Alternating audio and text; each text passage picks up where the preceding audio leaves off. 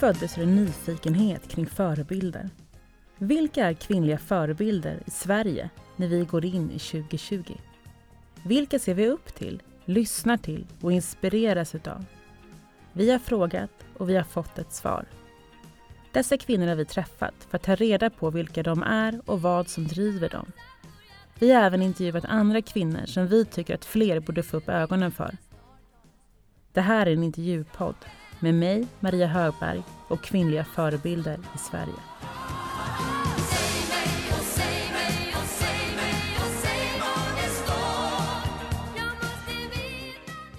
Du kan välja att göra en karriär inom idrotten, näringslivet, offentlig sektor, inom TV och media. Eller så kan du som Alice Bah Kuhnke göra karriär inom alla dessa områden. Alice beskrivs ofta som både präktig och målmedveten, vilket är två ord som hon inte har några problem att förknippas med. Hon bär gärna präktighetsfanan och hon beskriver att hon ofta satt upp mål som hon också faktiskt har nått. Om jag skulle beskriva Alice utifrån vårt möte så skulle jag beskriva henne som avväpnande och närvarande. På bara några sekunder så får hon mig att känna mig lugn och att det är en vän jag samtalar med. Jag slås också av hennes totala närvaro och hennes fulla uppmärksamhet på mina frågor, vilket behövdes i denna intervju där mottagningen via länken vi använde är en aning knastrig. Och sedan går det att beskriva hennes liv hittills med saker som hon faktiskt har gjort. Och det tycker jag att vi också gör.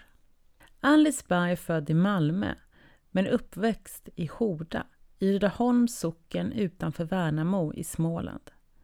Hon var med i scouterna som barn. Hon gick på friidrottsgymnasium på Katedralskolan i Växjö och var under slutet av 1980-talet en av landets bättre kvinnliga sprinterlöpare i sin åldersklass med 100 och 200 meter som sina bästa grenar. Hon blev en av de tre programledarna i Disneyklubben utav över 600 sökande. Hon har en utbildning inom statsvetenskap. Hon har varit programledare för Kanans Söndagsöppet och Alice Bah i TV4. Hon ledde partiledarutfrågningen i TV4 inför valet 2002 tillsammans med Lennart Ekdal. Hon har varit sommarpratare i Sveriges Radio.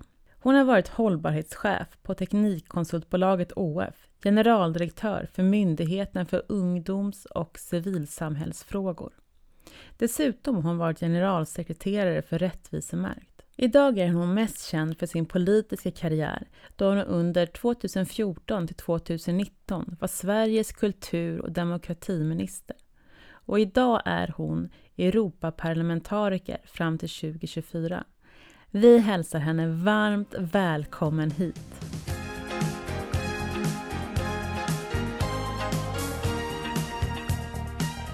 Men hej och varmt välkommen hit! Tack så mycket! Hur mår du idag? Jag mår bra. Eh, jag har sovit lite dåligt därför att jag sov med två ungar i sängen. Mm. En, en lite större som är typ längre än jag fast hon bara är 13 år och sparkar och håller på och en lite mindre. Eh, så det var inte ultimat för mig. Jag tycker om att sova själv. Ja, ja. Men annars är det bra. Men hur har du påverkats utav covid-19? Jag är lyckligtvis en av eh, de som inte har påverkats eh, eh, privat eh, i, i någon mening. Jag har varit frisk och alla mina nära och kära är friska än så länge. Eh, däremot så har jag ju påverkats av hur det drabbar hela vårt samhälle. Jag har ju vänner som har anhöriga som har blivit väldigt sjuka, till och med förlorat anhöriga, äldre anhöriga. Och det finns ju många som har påverkats oerhört vad det gäller eh, ekonomiskt, eh, ekonomiska konsekvenser. Eh, förlorat sina jobb, eh, har företag som eh, eh, de inte vet om de kommer överleva eller inte och så vidare. Men i stort så tillhör jag ju den gruppen som inte har, har drabbats särskilt allvarligt. Utan jag har ju kunnat fortsätta jobba hemifrån. Men det är ju också en ynnest. Det är ju många som inte alls har den möjligheten. Mm. Men du har blivit eh, lärare också, hörde jag då? Ja, jo, vi har ju påverkats, även om det inte känns som i sammanhanget som att man har blivit drabbad, men jag har ju påverkats av eh, hårda karantänsregler här i Belgien, i Bryssel, där jag ju bor med min familj.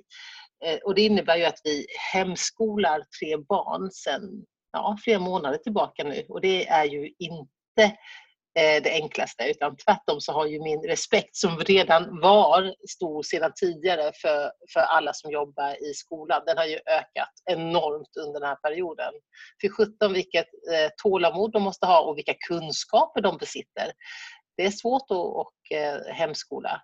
Eh, mm. Det finns mycket man eh, inte kan och som man skulle behöva kunna för att ge dem en bra utbildning. Mm, mm. Men du är här idag för att du har blivit framröstad till en av Sveriges kvinnliga förebilder. Ja, fantastiskt. Vad roligt. Ja. Och lite, och lite, lite eh, utmanande. Det känns ju mm. som, som något eh, svårt också att vara en förebild. Eller att ta mm. på sig den eh, rollen. Mm. Ser du dig själv som en förebild? Nej, jag ser ju inte mig alls som en förebild. Men jag kan däremot förstå att eh, man som offentlig person eh, lätt blir det eh, för några. Det finns ju sådana som, tycker, som tycker det motsatta. att man absolut inte är det, det kommer ju på köpet. Eh, mm. Men ja, det är ingenting jag, jag, själv ser mig som, men jag har ju förstått att eh, jag eh, hos vissa är det. Mm. Mm. Hur har du förstått det då? Nej, men genom att jag har eh, blivit eh, eh, nej, men jag har mött människor, samtalat med dem, fått brev från människor eh, som säger att de ser mig som sin förebild. Mm. Många direktmeddelande på Instagram mm. och så vidare. Mm. Och vad är det liksom du tror de ser upp till? Liksom? Vad är det som du har gjort och vad är det som, i dig som du ser inspirerar andra? Jag tror att Eh, det finns de som tycker att jag är modig och höjer min röst eh, och att det inspirerar och kan stärka andra att våga göra detsamma. Jag tror de ser att jag har gått min egen väg och vågat ta eh, svåra beslut. Men kanske också hoppas jag att jag inte har tagit den enkla vägen. Därför att det är mm. något som jag anstränger mig för och har ansträngt mig för hela livet att, att inte göra utan våga välja den svåra vägen. Mm. Och det tror jag också kan inspirera.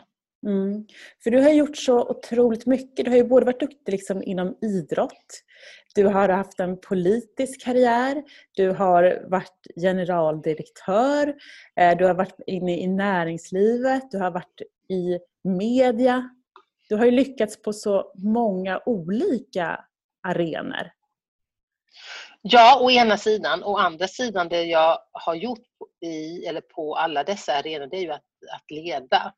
Så det jag egentligen är bra på, det som är min USP, alltså, mm. det som är min styrka, det är ju att jag eh, är eh, ledare eh, och har lyckats leda olika grupper eller då, eh, man säga, församlingar, företag, organisationer. Eh, och använt mig av de styrkorna och den kunskapen eh, inom olika samhällsområden. Mm. Eh, men det, och det är någonting som jag ju jag brukar inte tänka på det, men när jag tänker på det eller när jag ser det framför mig eh, eller när jag får den här frågan i intervjuer eller liknande sammanhang, då slår det ju mig att jag faktiskt ju har varit chef och ledare i samhällets alla tre sektorer som man brukar tala om i det civila mm. samhället. Jag har varit generalsekreterare, alltså haft den högsta positionen i en civilsamhällesorganisation. Eh, jag har varit generaldirektör, alltså jag har haft den högsta positionen eh, i en offentlig myndighet. Eh, och jag har varit minister i regering och jag har varit chef i det privata näringslivet på ett börsnoterat företag. Men den röda tråden är ju ledarskapet. Jag är bra på att, att leda helt enkelt. Mm. Och hur har det blivit det då? Ja, genom att, att göra en massa misstag och övat, övat, övat. Det, eh, jag, jag blev ju alltså första gången jag blev vald till ledare eh, av eh, de som jag sen skulle leda, det var ju i scouterna. Då blev jag patrulledare och jag var väl den jag tror jag var den yngsta patrulledaren någonsin. Jag kanske var i 9-10 års åldern och ledde de som var 11, 12, 13 uppåt. Eh, och det kan jag ju säga eh, med facit i hand att det var väl inte mitt bästa ledarskap. Men genom åren så har man ju tränat eh, och det var ju länge sedan och jag är ju eh, liksom gammal nu, eller i medelålder, så jag har ju ett, ett helt liv ja. fyllt av träning på att, att, leda människor mot ett gemensamt mål. Mm. men har ju också då identifierat vilka är nycklarna vilka är de magiska ingredienserna för att få en grupp människor att gå mot ett gemensamt mål och nå det målet. Och det mm. handlar ju oerhört mycket om att få dem att må bra. Att få de människor man då har till uppgift att leda att komma till sin rätt. Och det är ju, är ju inte ett sätt. Har man tio människor man ska leda, eller man har 20 eller man har 100 människor man ska leda, då finns det hundra sätt som är de bästa. Att få varje enskild eh, individ att eh, spela på sina bästa strängar, det vill jag mena är en, en av flera, men en stor nyckel för att lyckas eh, leda den här gruppen mot det målet man har. Mm. Och hur tar man reda på det då? Ja, genom att lägga merparten av sin tid just på det. Och det mm. betyder ju att, att, en del tror ju att den som är eh, mesta experten är den bästa ledaren. Det finns fortfarande en sån villfarelse vill jag säga. Att ja, men den som är den duktigaste matematikern på det här företaget, hen borde också vara chef för det här och leda det här företaget. Men bara för att man är den, den bästa på att göra alla de svåra uträkningarna betyder inte det att man är bäst på att faktiskt lyssna till människor för att ta reda på hur just den människan eh, fungera och vad den människan då, en av alla de här hundra man kanske leder, eh, hur den behöver eh, ha sin arbetssituation eller vilka uppgifter den ska ha för att, för att vara sitt bästa. Man måste helt enkelt vara väldigt intresserad av människor och mm. eh, vilja lyssna mm. för att lära känna människor för att sen kunna skapa så goda förutsättningar som möjligt för just den personen. Mm. Så, så jag har ju också haft många chefer genom livet jag har blivit ledd av mm. många och jag har ju också lärt mig att bli en bättre ledare själv genom att se vad jag inte ska göra. Mm. Jag har haft chefer som inte är intresserade av människor. Som kanske är jätteduktiga på just sin sak. Men eh, de kanske, om man då är en, en ett företag som gör muttrar så, så kanske de, de här eh, muttrarna, eh, det kanske var det som, som den här personen egentligen är mest intresserad av, inte av oss människor som jobbade på mutterfabriken. Och då blir det ju väldigt svårt att, att hoppa över oss, för vi behövs ju i den här produktionen. Så man måste vara intresserad av människor, man måste vilja lyssna. Mm. Annars blir det svårt att vara en bra ledare. Mm. Hur får man tid till det då? För jag tänker det tar ju också väldigt mycket tid att lära känna alla människor, speciellt när man har liksom stora organisationer som man mm. ja, men Man måste prioritera. Man måste, mm. välja, man måste förstå att det är en nyckel och sen välja att lägga tid på det som man vet är en nyckel. Mm. Och det är ju kanske inte alltid det roligaste. Jag menar, det finns ju ingen chef som inte kan skriva under på att en, en, en hel del av chefskapet handlar också om att hantera alla de saker som kommer med att leda människor. Alla svåra samtal, eh, sjukskrivningar, privata bekymmer som påverkar en eller flera medarbetares arbetsförmåga eller vilja och så vidare. Och det där måste man lägga tid på. Det går inte att hoppa över. Sen är det klart när man kommer, om man har kanske fler än, än 15-20 medarbetare, kanske man har mellanchefer som kan hantera vissa av de här vardagliga frågorna, men då har man ändå då de här mellancheferna som mm. man ju ändå kanske då direkt ansvar över som kan vara fyra, fem personer som man ändå måste, eh, måste se och måste skapa förutsättningar för. Men prioritera det mm. framför mycket annat. Mm. Och om man tänker på ledarskap, som, när, när, om någon ska leda dig, vad tycker du om, vad tycker du om det? Att bli ledd själv? Ja, jag tycker det är skönt. Speciellt om det är en ledare som har just de egenskaperna som jag tycker om. Det vill säga att det är en ledare som är intresserad av människor. Det är en ledare som också, vilket jag tror är en annan nyckel av de här flera nycklarna man behöver ha för att lyckas som ledare, det är att inte kontrollera. Alltså man kan inte detaljstyra allting utan man måste lita på, alltså ha tillit till att var och en av de som man jobbar med faktiskt gör sitt allra bästa. Det värsta som finns är ju chefer och ledare som är inne och, och pillar på eller lägger massa tid på att dubbelkolla det som ens medarbetare gör. Det är ju så ineffektivt och så mm. provocerande. Eh, eh, när man behöver ju ha ledare som har tid då till att välja att, att se sina medarbetare och, och förhoppningsvis också vid sidan av det tänka strategiskt långsiktigt om vart företaget eller organisationen ska. Mm. Eh, men så finns det då istället en massa ledare som lägger massa tid på att eh, eh vara någon sorts eh, kontrollchef. Mm. och det, tycker, det tycker jag inte om. Nej, jag, tycker, jag, jag tror på frihet under ansvar. Mm, mm. Har du några förebilder inom ledarskap som du har liksom sett upp till? Och... Ja, jag har mött många chefer genom åren och haft många chefer som just eh, har haft tillit till att man, man gör ett, ett, ett bra jobb. Inte minst inom eh, föreningslivet och förenings-Sverige. Jag började ju mitt eh, eh min skolning i ledarskap i Svenska kyrkan. Eh, mm när jag var tre år och började gå på söndagsskola och sen blev aktiv i Svenska kyrkan. Och sen i scouterna och Rädda Barnen. Sådär. Så jag är en typisk sån föreningsmänniska. Och, och inte minst i kyrkan så, och i scouterna. Scouterna är ju en fantastisk eh, ledarskapsskola. De har både alltså rent metodiskt utvecklade modeller för ledarskap, men det finns ju också många som verkligen prövar sitt ledarskap eh, i, i, i häftiga och utmanande miljöer. Alltså mm. både mm. inomhus men framförallt utomhus, i, i skogen, i naturen.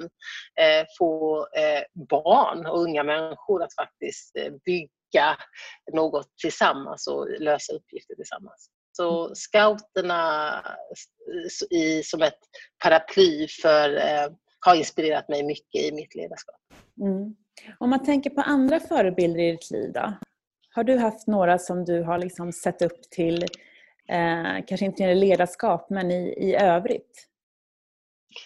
Ja, jag tycker att jag eh, genom livet, när jag har, framförallt när jag har läst böcker eller sett dokumentärer, har inspirerats av eh, människors eh, kamp eller vilja att, att, bygga något. Och då kan det vara allt ifrån eh, människor som Angela Merkel.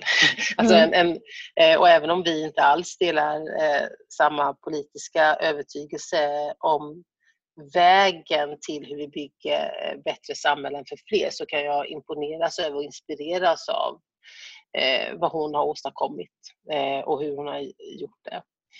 Ehm, eh, men, eh, men också eh, förebilder som på ett än djupare plan som Nelson Mandela som har, eller ägnade hela sitt liv i stort sett till kamp för frihet och rättvisa för fler eh, än honom själv. Att han valde att inte bara sko sig själv eller skapa ett bättre liv för just sin egen person utan bestämde sig för att kämpa för ett fritt Sydafrika som på många sätt har satt en standard för vad vi faktiskt kan åstadkomma här i världen eh, och satt fängslad i så många år för att han är svart och för att han mm. kämpade mot förtrycket. Eh, det har inspirerat mig mycket. Mm. Vad har du liksom plockat med dig själv utifrån det? I liksom ditt sätt att leva? Men mycket eh, just kring detta att, att eh, se på mitt liv i ett större perspektiv. Eh, vilket gör då mitt liv väldigt mycket mindre och meningslöst i det stora hela, vilket det ju är. Eh, men faktiskt eh, få det inpräntat oerhört ja, men tidigt i mitt liv att, att, att den skillnad jag kan göra det är ju att göra och den mening jag kan fylla mitt liv med, det är att göra skillnad för fler. Eh, så det är ju vad som driver mig idag. Att eh, under den här begränsade tid som mitt liv ändå är, man dör ju förr eller senare, eh, förhoppningsvis senare, men man vet ju aldrig. att då ändå försökt göra så mycket bra som möjligt för andra människor, det vore ju, eller det är min drivkraft. Och det vore eh, en, ja, även om mitt liv skulle ta slut nu så, eh, så känner jag att jag ändå har gjort vad jag kunde av den här lilla meningslösheten. Mm. Mm. För det, när jag lyssnar på, på intervjuer med dig och sådär, så du har liksom, om, man, om man tittar på, på ditt liksom CV, det du har gjort sedan du liksom var liten, um, och så lyssnar jag på intervjuer så känns det ändå som på något sätt att du ändå i retoriskt sett bara har börjat. Alltså att ja. Du, att du liksom, Nej, det... Jag vet inte, vissa skulle kunna bara, jag har gjort det här, nu köper jag en, en, ett hus eh, på landet och bara njuter och skriver en memoarer. Men på dig låter det som att, ja, men som att du precis har börjat. På något sätt. Ja. Förstår du vad jag, jag menar? Jag förstår precis vad du menar för att det, mm. det är det jag känner. Att jag, att jag bara börjat. Jag skulle bli otroligt besviken om jag gick och dog nu. Ja. Därför att det finns så mycket att göra. Eh, och kanske beror det på att världen är en mörk plats för väldigt många. Eh, och det kan dessutom bero på att jag har fött tre barn till den här världen där eh, klimatförändringarnas konsekvenser kommer göra deras och alla andra barns liv eh, till en, en kamp eh, på så många olika sätt. Eh, så jag känner ju att det måste också vara så att jag bara börjar. Att jag måste förbereda mig och försöka få med mig så många andra vuxna som möjligt på att vi har saker att styra upp. Så inåt helvete mycket saker att styra upp för att våra barn och barnbarn ska få en, en framtid som eh, är mycket bättre än vad den ser ut att bli just nu. Och den övertygelsen kan göra också att jag eh, affirmerar så starkt att jag har bara börjat för att det måste vara så att jag bara börjat för jag måste orka länge till. Mm. Och vad är det viktigaste att orka med nu för dig framöver? Det stora är ju att vi måste eh, minska utsläppen. Vi måste minska eh, eh, den globala uppvärmningen därför att konsekvenserna av den eh, kommer bli förödande och det vet alla.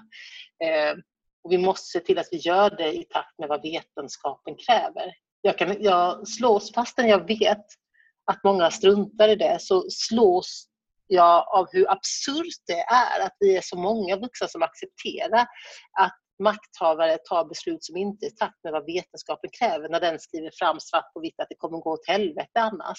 Hur kan vi, hur kan vi gå och lägga oss på kvällarna och veta det? Eller hur kan vi pussa våra barn godnatt och veta det? Och även om, om mina barn och, och många uh, barn i, i Sverige och i många EU-länder är de barnen som kommer ha en ljus framtid längst. Så till syvende och sist så kommer det också drabba dem. Det är klart att det är de fattigaste barnen, de barn som idag lever i länder som kommer ligga under vatten bara om några år. Det är klart att det är de, för de kommer tvingas fly. Det är klart att de kommer drabbas hårdast. Alltså våra barn kommer inte eh, eh, dö av svält därför att torkan kommer ta alla skördar. Utan det kommer andras barn göra eh, de närmsta 10, 15, 20 och 30 åren. Men till slut så kommer det fatta våra barn och då menar jag att, att vi måste förstå att det är ett klimatnödläge. Och parallellt med det så handlar det om vår demokrati. Därför att om vi inte är en demokrati, om vi inte ser till att Sverige och EU och världen blir mer demokratiskt, så kommer vi inte lyckas ta oss an eh, klimatförändringarna. Därför att de människor som kommer få betala det högsta priset när vi gör den här omställningen av våra samhällen, eh, det finns en risk att det också blir de fattigaste. Och det är ju därför de gula västarna i Frankrike protesterade när Macron, eh, presidenten, la fram lagar som gjorde att det blev dyrare för dem att köpa bensin. Varför ska de som är fattigaste, de med minst marginaler, betala för vad de rikaste i världen faktiskt har förstört? Så därför måste vi vara, demokratisera våra samhällen samtidigt. Och det är mina utmaningar. Och det, jag, blir, jag hör att jag målar upp en mm. väldigt mörk världsbild och samtidigt så blir jag, fylls jag av eh, kamplust när jag talar om detta. Eh, mm. För det här är vad jag vill kämpa för. Mm. För det, är det det som liksom driver dig att se det så här ser det ut när vi måste nå en förändring? Och det är där du får kraften och, och liksom inspirationen att jobba vidare? Ja, ja. Mm. Alltså jag, vill, jag, vill, jag vill, jag kan inte sluta nu. Jag, mm. jag får så otroligt mycket kraft av att se det här, lyssna till forskarna, eh, ta fram de här förslagen vad vi måste göra och att sen försöka göra det. Mm. Men vad, vad, tror du krävs då för att vi ska liksom förstå allvaret i det här på riktigt? Tyvärr tror jag att det finns en, en relativt stor massa som måste se eh, konsekvenserna i vitögat innan man verkligen förstår att oj, nej men nu, nu blir det så här illa, nu, nu går det så här illa. Det var ju det här de skrek om och pratade om och nu är det faktiskt så. Um, för tyvärr så verkar det vara så rent psykologiskt att vi människor vill inte förstå det vi inte kan ta på, inte se och inte känna. Men om det brinner nästgårds då ser vi elden och fattar att vi, vi måste försöka se till att den elden eh, släcks och att det uppstår fler bränder. Eh, så det kanske är så att det måste bli värre innan det verkligen vänder än. Eftersom vi inte har den tiden att vänta på att, att, alla ska, att det ska brinna runt husknuten så tror jag ändå att vi kan eh, om vi är pedagogiska, det går ju inte att bara skrika om det här mm. som jag ibland tenderar att göra när jag blir uppeldad, utan att vi också med liksom siffror och fakta och statistik kan få med oss fler så att vi blir tillräckligt många. Mm. Eh, och det är mitt, jag har hopp om det, att det kommer mm. bli så. Och man kan väl också se en förändring liksom med den generationen som växer upp nu. Jag tänker mina barn, eh, två av dem är ju sju och åtta, de pratar ju väldigt mycket om miljön. Alltså mm. de pratar ju om vad som är bra för miljön och vad som är dåligt för miljön. På ett mm. sätt som jag inte ens hade reflekterat över när jag var i den åldern. Nej. Nej men precis, ja. Jag tror att det finns en massa hopp med, i och bland dagens barn och unga. Eh, de små barnen men också hela Greta-generationen som mm. nu eh, är på väg in i vuxenlivet. Ja. Eh, så det finns hopp. Eh, det enda som är det stora mörka molnet på himlen det är att tiden är knapp. Mm. Så vi har bråttom.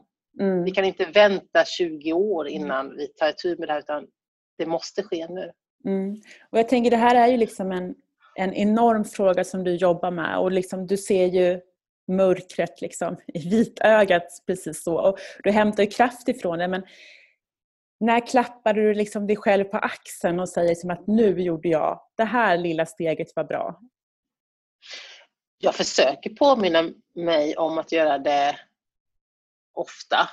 Eh, jag, jag, jag är ju inte ensam, jag jobbar ju med andra människor. Jag försöker vara en del av en kultur, ett sätt, alltså ett sätt att jobba där vi också lyfter varandra och säger men gud vilket bra möte och nu fick vi igenom den där texten och, och du träffade den där från en annan partigrupp och de verkar ju nu ändra sin uppfattning och sådär. Så vi, jag försöker hela, alltså varje dag mer eller mindre hitta de där eller förmedla eller ta åt mig av de där små ljuspunkterna som ändå är en putt i rätt riktning. Kanske inte varje dag, så, men ofta i alla fall. Mm. Och då mm. suger jag åt mig. Och så suger jag också åt mig av, av de här mötena. Mm. Eh, när jag känner att även om vi inte förändrar, alltså även om inte jag eh, förändrar världen i mina möten så kan jag ju påverka och kanske till och med förändra en människa jag möter. Eh, och, och, eh, och jag kan låta mig påverkas och förändras av människor jag möter. Mm. Ehm, och det är ju också en en klapp på axeln i sig. Det vill mm. säga att vara i nuet och se det lilla som en del av det, det stora. Alltså I miljörörelsen har vi, prat, har vi pratat i många årtionden om detta att eh, eh, eh, think global, act local. Och det kan man också bryta ner på människonivå. Alltså, jag är som en enskild individ meningslös. Det spelar liksom ingen roll egentligen vad jag gör. Vi måste ju ha systemförändringar på större nivå. Men om jag i mitt lilla liv ändå kan bidra till eh, kanske runt fikabordet eh, ifrågasätta någon, någon sanning som någon slänger sig med eller ta reda på fakta i en fråga eller sätta mig in i någon liten del av en större fråga så är jag ju en del av en större rörelse som kan bli den där kritiska massan som, som vänder den stora skutan. Så mm. försöker jag tänka också med mitt egna liv. Mm. För det, det, känns ju också som att du är extremt, eh, jag vet inte om vetgirig är rätt ord, men att du vill bara, alltså, så att du letar hela tiden liksom efter ny kunskap, nya perspektiv på, på alla plan egentligen. Att det ska vara en lärdom. Allt gör ska vara en lärdom. Tänker du så? Eller? Ja, jag tänker mm. att jag behöver hela tiden lära mig mer för att kunna vara ett eh, vassare verktyg. Mm. Lärandet blir ju som en, en, ja, som en vässning mm. av eh, mig själv som ett instrument eller ett verktyg för en bättre värld. Mm. Jag älskar att lära mig saker. Mm. Eh, och läsa eller se nya dokumentärer och läsa nya böcker och få ytterligare argument och perspektiv. Mm. Och vad tror du att du har fått det som draget ifrån? Var kommer det ifrån? Jag vet inte. Självklart är väl mycket av den man är genetiskt, att man är född, eh, född sån.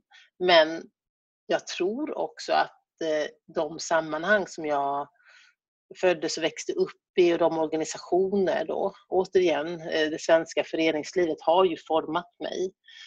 Att det har skapat en, eller utvecklat min vilja till att lyssna till andra.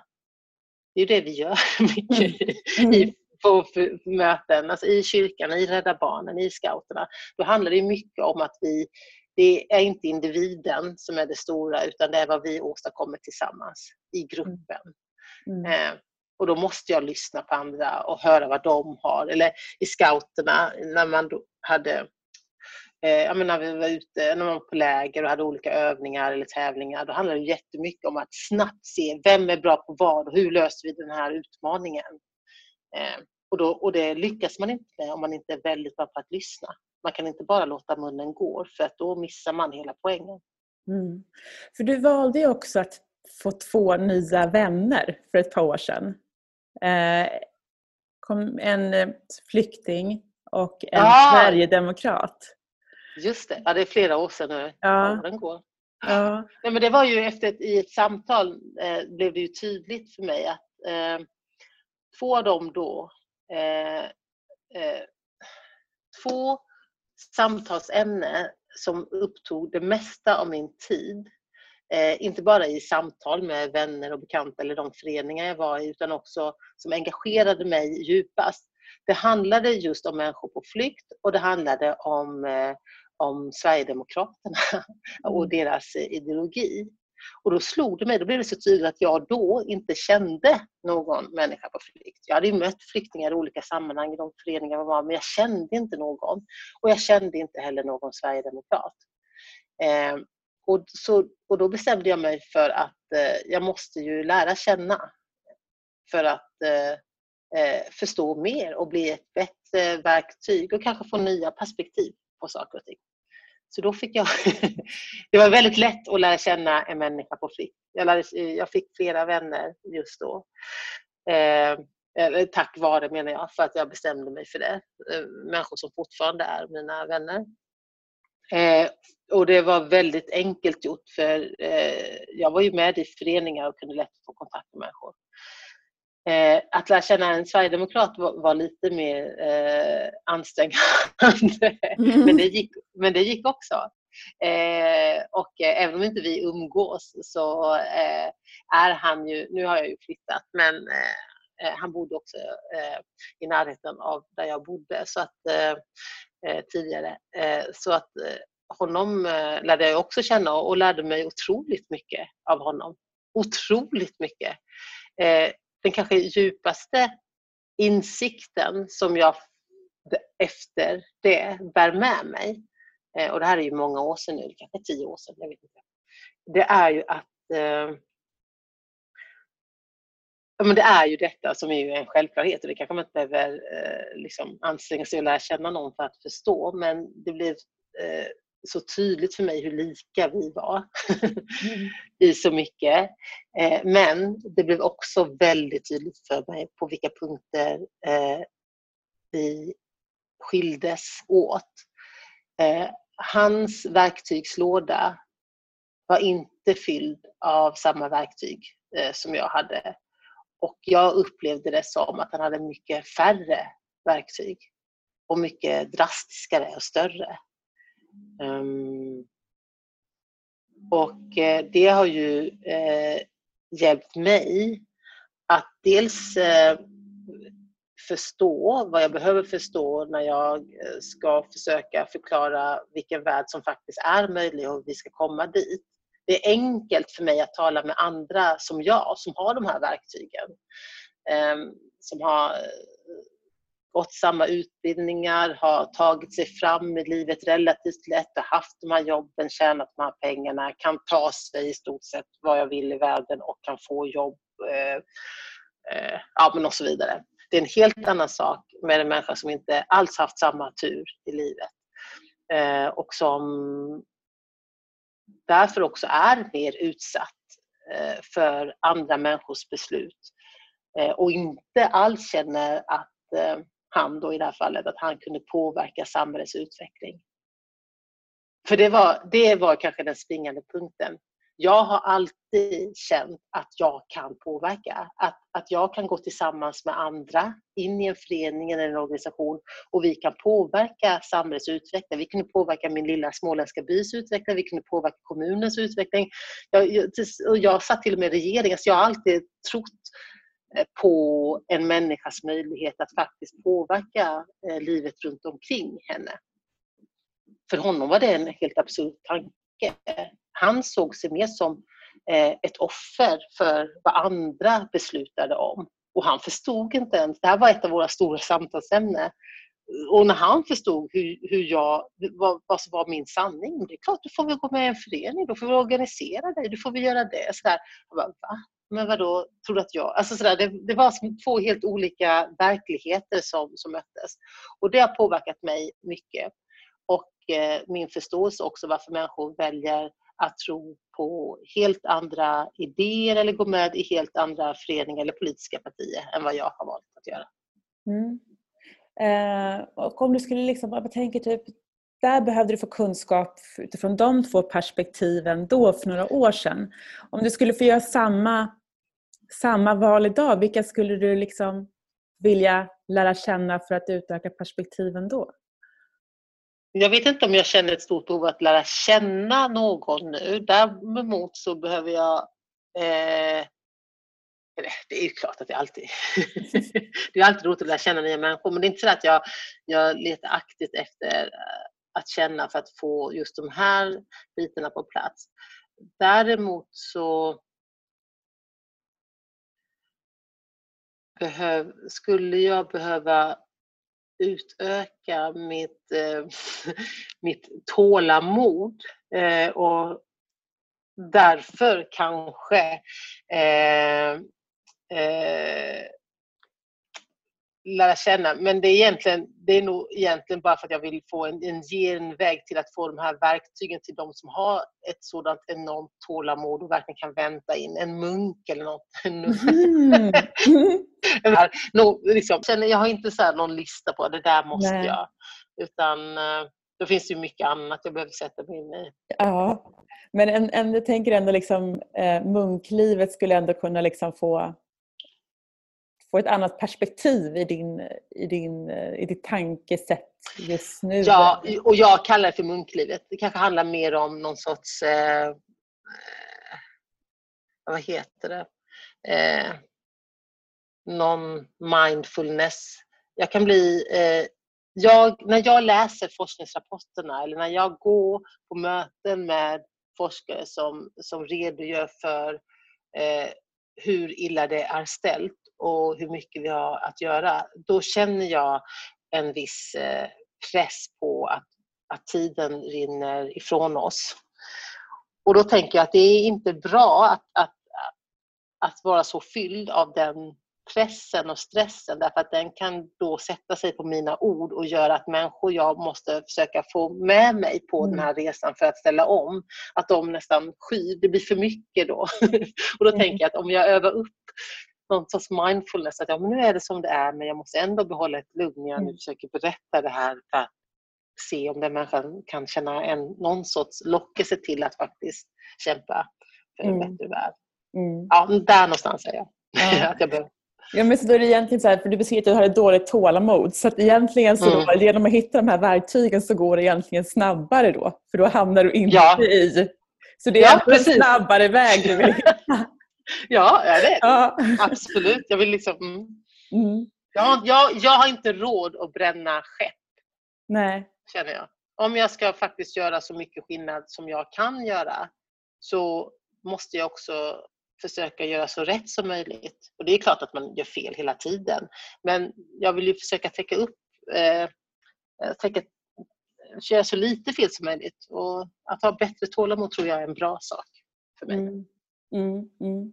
Men hur hanterar du då liksom fel och när det inte går som du har tänkt dig? Ja, men jag, jag hanterar det väldigt... Eh, jag försöker att vara så här, jaha, nej, vad synd.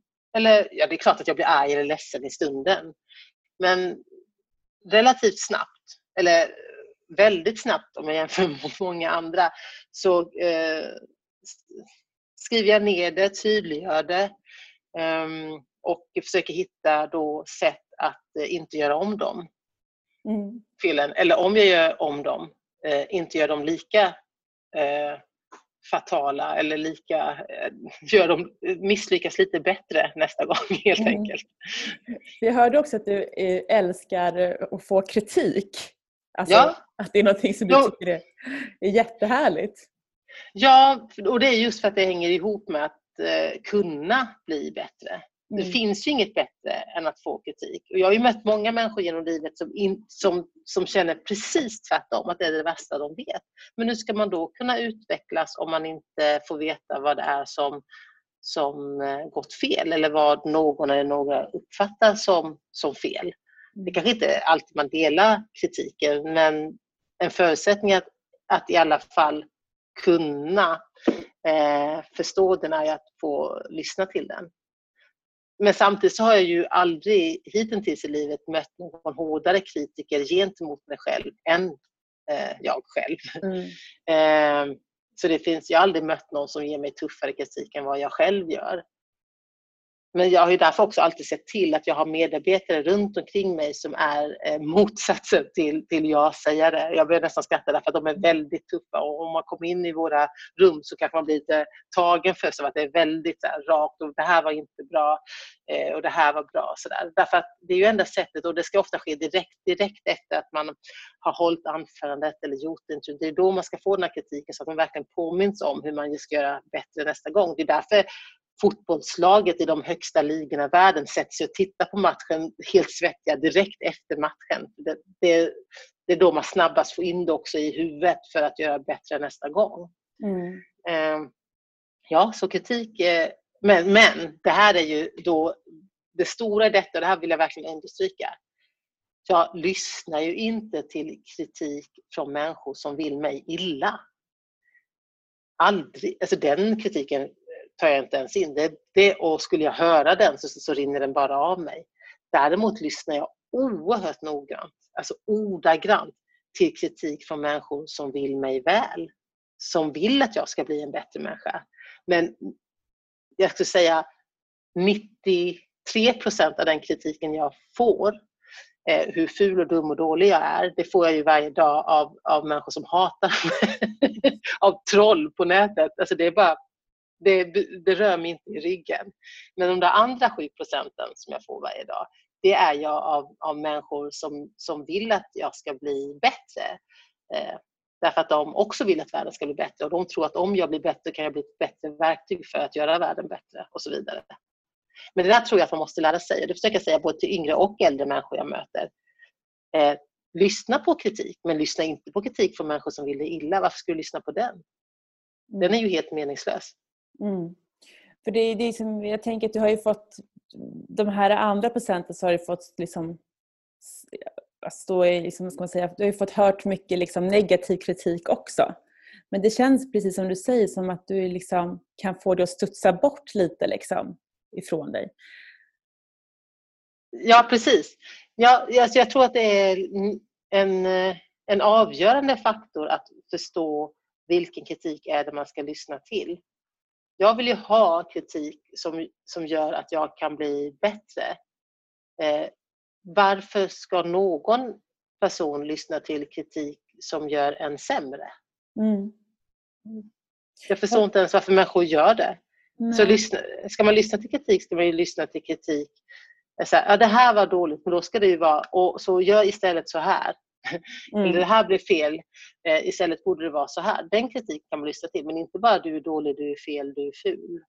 Mm. Vad ska man med den till? Mm. mm.